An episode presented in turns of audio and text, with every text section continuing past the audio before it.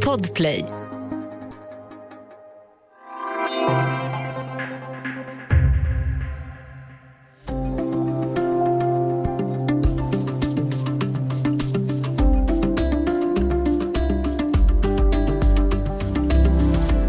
Om domstolen finner att den så kallade Nytorgsmannen är skyldig så är han en av de värsta våldtäktsmännen i Sverige. Han står åtalad för 24 våldtäkter som ska ha begåtts under flera års tid. Men det var ett helt annat brott som ledde till att polisen kom honom på spåren. Nu inleds rättegången. Välkommen till Studio DN. Jag heter Sanna Thorén Björling.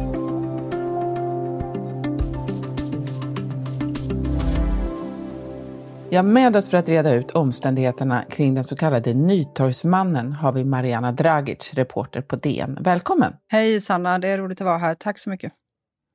Du, om vi börjar med det här då. Vad är Nytorget för något? Det är alltså en plats i Stockholm på Södermalm där den här mannen har haft sin lägenhet och där han har begått merparten av de här misstänkta brotten.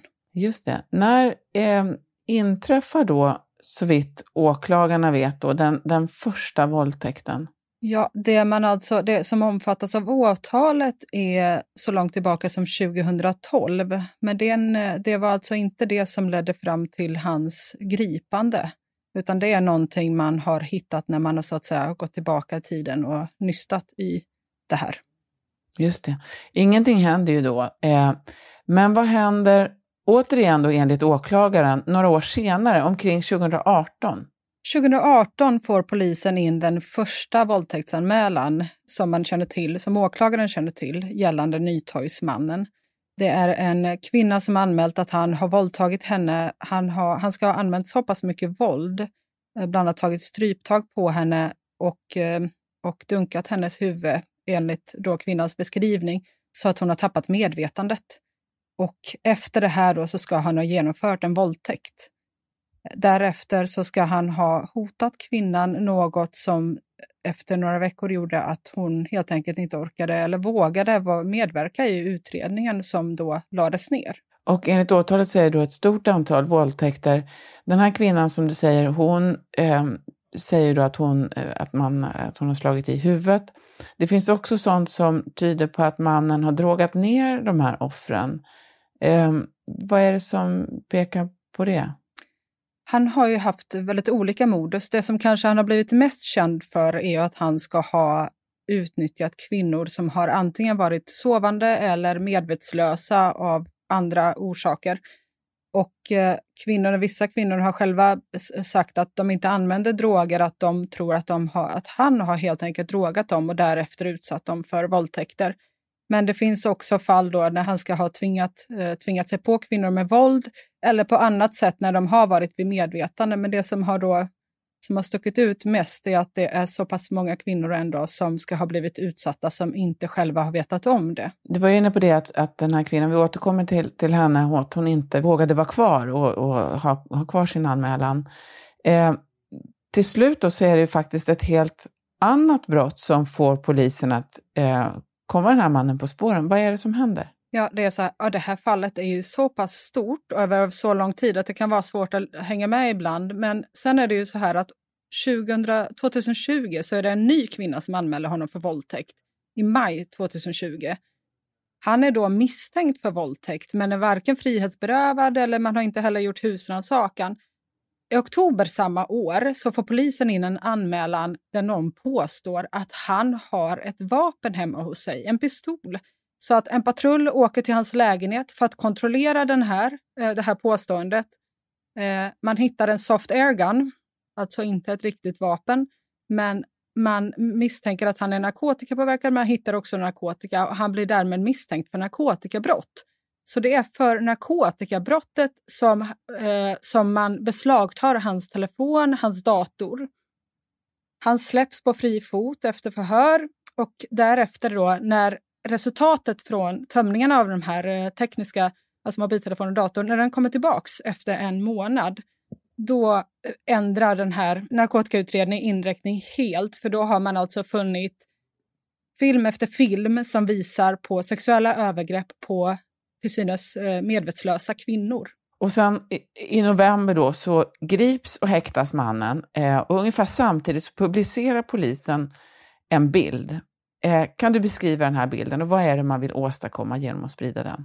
Men då är det så här, i början av den här utredningen så har man ju inte, man har väldigt många filmer på, på till synes medvetslösa kvinnor som man misstänker har blivit utsatta för brott, men man vet inte vilka kvinnorna är.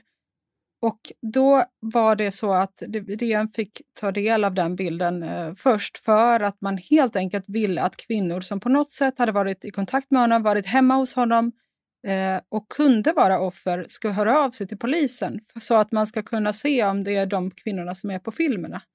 Eh, och det var därför man helt enkelt släppte den bilden, även om det på så att säga eh, man, man kan vara försiktig med det i början av utredningen eftersom det riskerar att peka ut den misstänkta gärningsmannen. Men här ville man på något sätt re reta minnet hos, hos kvinnor som kanske skulle kunna ha känt igen att de har varit på den här platsen. Ja, men precis. Eftersom man trodde att kvinnorna kanske inte själva blivit, visste om att de hade blivit utsatta så tänkte de att då kommer de ju inte höra av sig till polisen. Om mm. vi visar att här kan ett brott ha skett, då kanske de hör av sig för att se om de kan ha blivit utsatta. Mm. Och identifieringen av de här kvinnorna är väl, som jag förstår det, en av de saker som har tagit tid med den här utredningen och att den liksom har svält. Men för ett par veckor sedan så väcktes åtal då. Kan du bara kort beskriva, vad är innehållet i det här åtalet?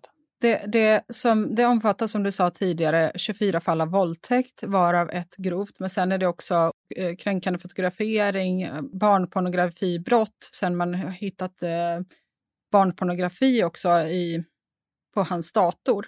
Så att eh, det är ett väldigt omfattande åtal och eh, det kommer vara en lång rättegång. Det är 22 dagar som är utsatt. Mm. Vi ska alldeles strax tala mer om Nytorgsmannen och vad den här brotten har inneburit för de här kvinnorna.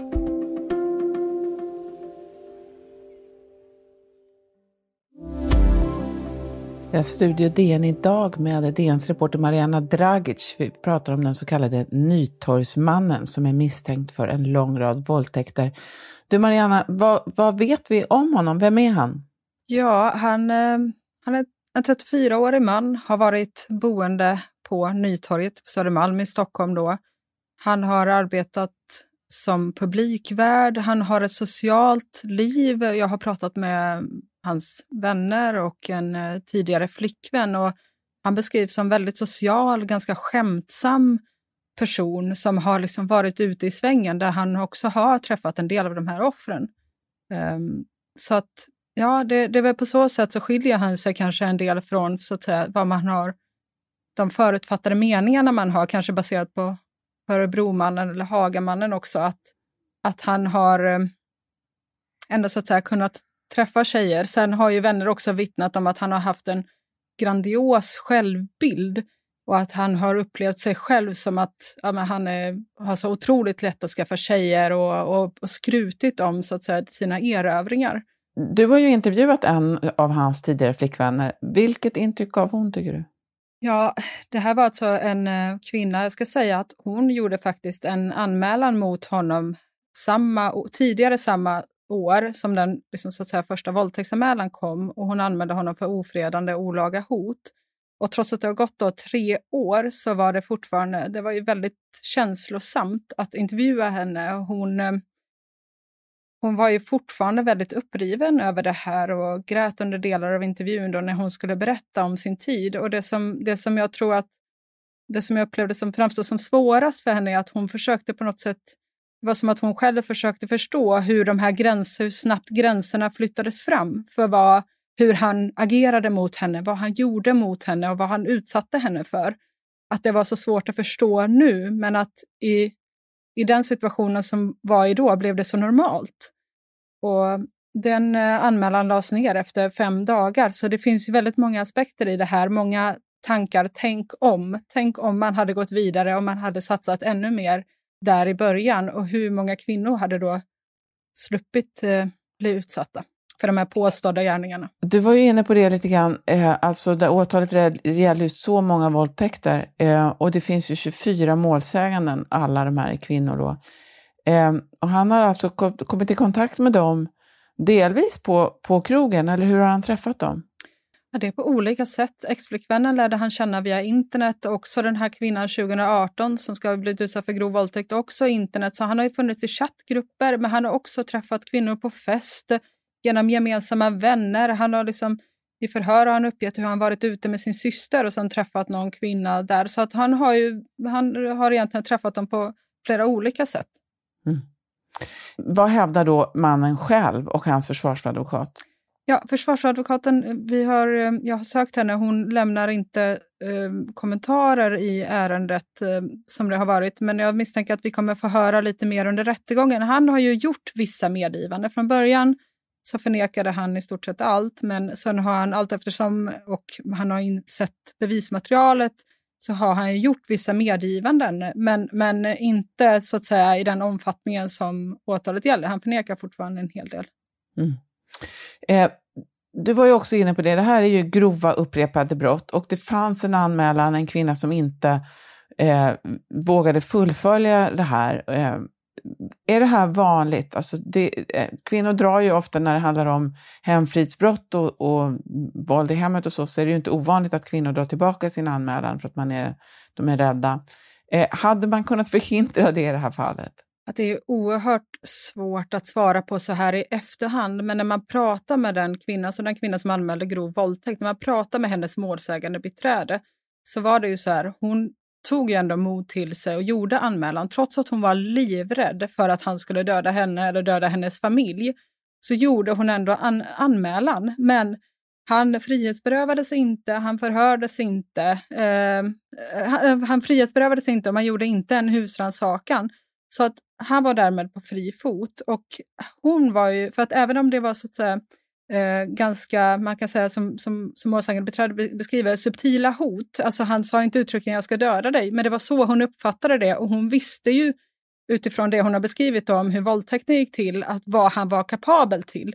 Så att det var det som krävdes och då är ju frågan, skulle man från rättssystemets sida kunna ha gjort mer? För att till exempel det finns ju, alltså Sven-Erik Alhem, tidigare överåklagare, han menar ju på att, eh, att man, måste, man måste göra husrannsakan så tidigt som möjligt, göra förhör så tidigt som möjligt.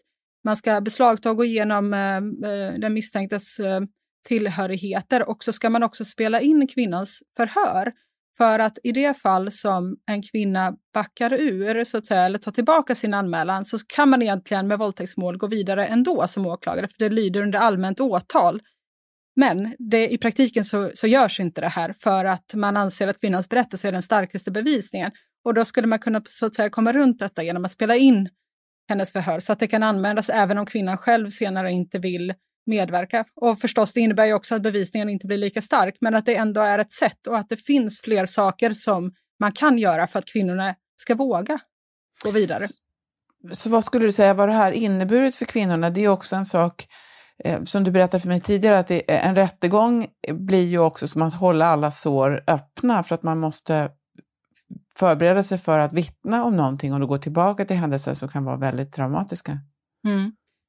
Ja men absolut, och det, och det är ju det. En, eh, ett målsägande beträde berättar att hennes, hennes klient har PTSD. Hon har avråtts från att, så att säga, bearbeta sin PTSD eftersom det kan innebära att hon inte har lika starka minnesbilder. Så att hon hon går ju, det, det här är henne, hon är sjukskriven. Som målsägandebiträde beskriver så är detta liksom hennes heltidsjobb, att orka vara med i den här rättsprocessen som hon då tycker är, som hon tycker, som hon hoppas ska ge henne upprättelse. Och det är klart att, att aldrig så att säga kunna gå vidare gör ju att man ständigt lever i det här traumat. Och det är år av hennes liv som hon aldrig kommer få tillbaka. Så att, eh, ja, det är, eh, det är väldigt svårt eh, för, mm. för de här kvinnorna och samtidigt så finner de ju då styrka i varandra och i vetskapen om att den bevisningen och så stark bevisning som man har i det här målet, det är ganska sällsynt i våldtäktsmål. Mm. Det här är ju eh, ett ovanligt fall överhuvudtaget och om han fälls då så eh, kommer han att räknas till en av de värsta våldtäktsmännen i, i Sverige. Eh, han anses ju då så vitt jag förstår inte leda, lid, har lidit av en allvarlig psykisk störning när brotten begicks och eh, han riskerar 14 års fängelse.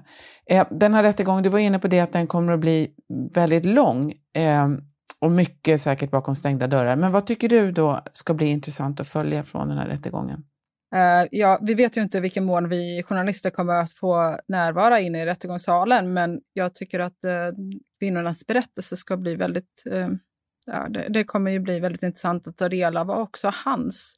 Och i det fall han döms så skulle man också vilja veta hur ser han på, behöver han någon form av, anser sig han behöver någon form av hjälp eller behöver någon form av behandling inne då, om han nu döms till fängelse eftersom man, den lilla sinnesundersökningen visar att han inte led av någon allvarlig psykisk störning vid eh, till, vid gärningstillfällena eller nu. Och sen är det ju så att han, eh, han, eh, om han döms så är det 14 år då som är maxstraffet, men med gott uppförande och två delar av straff, straffet och det han har suttit häktad hittills så kan det innebära att han är ute om ungefär 10 år.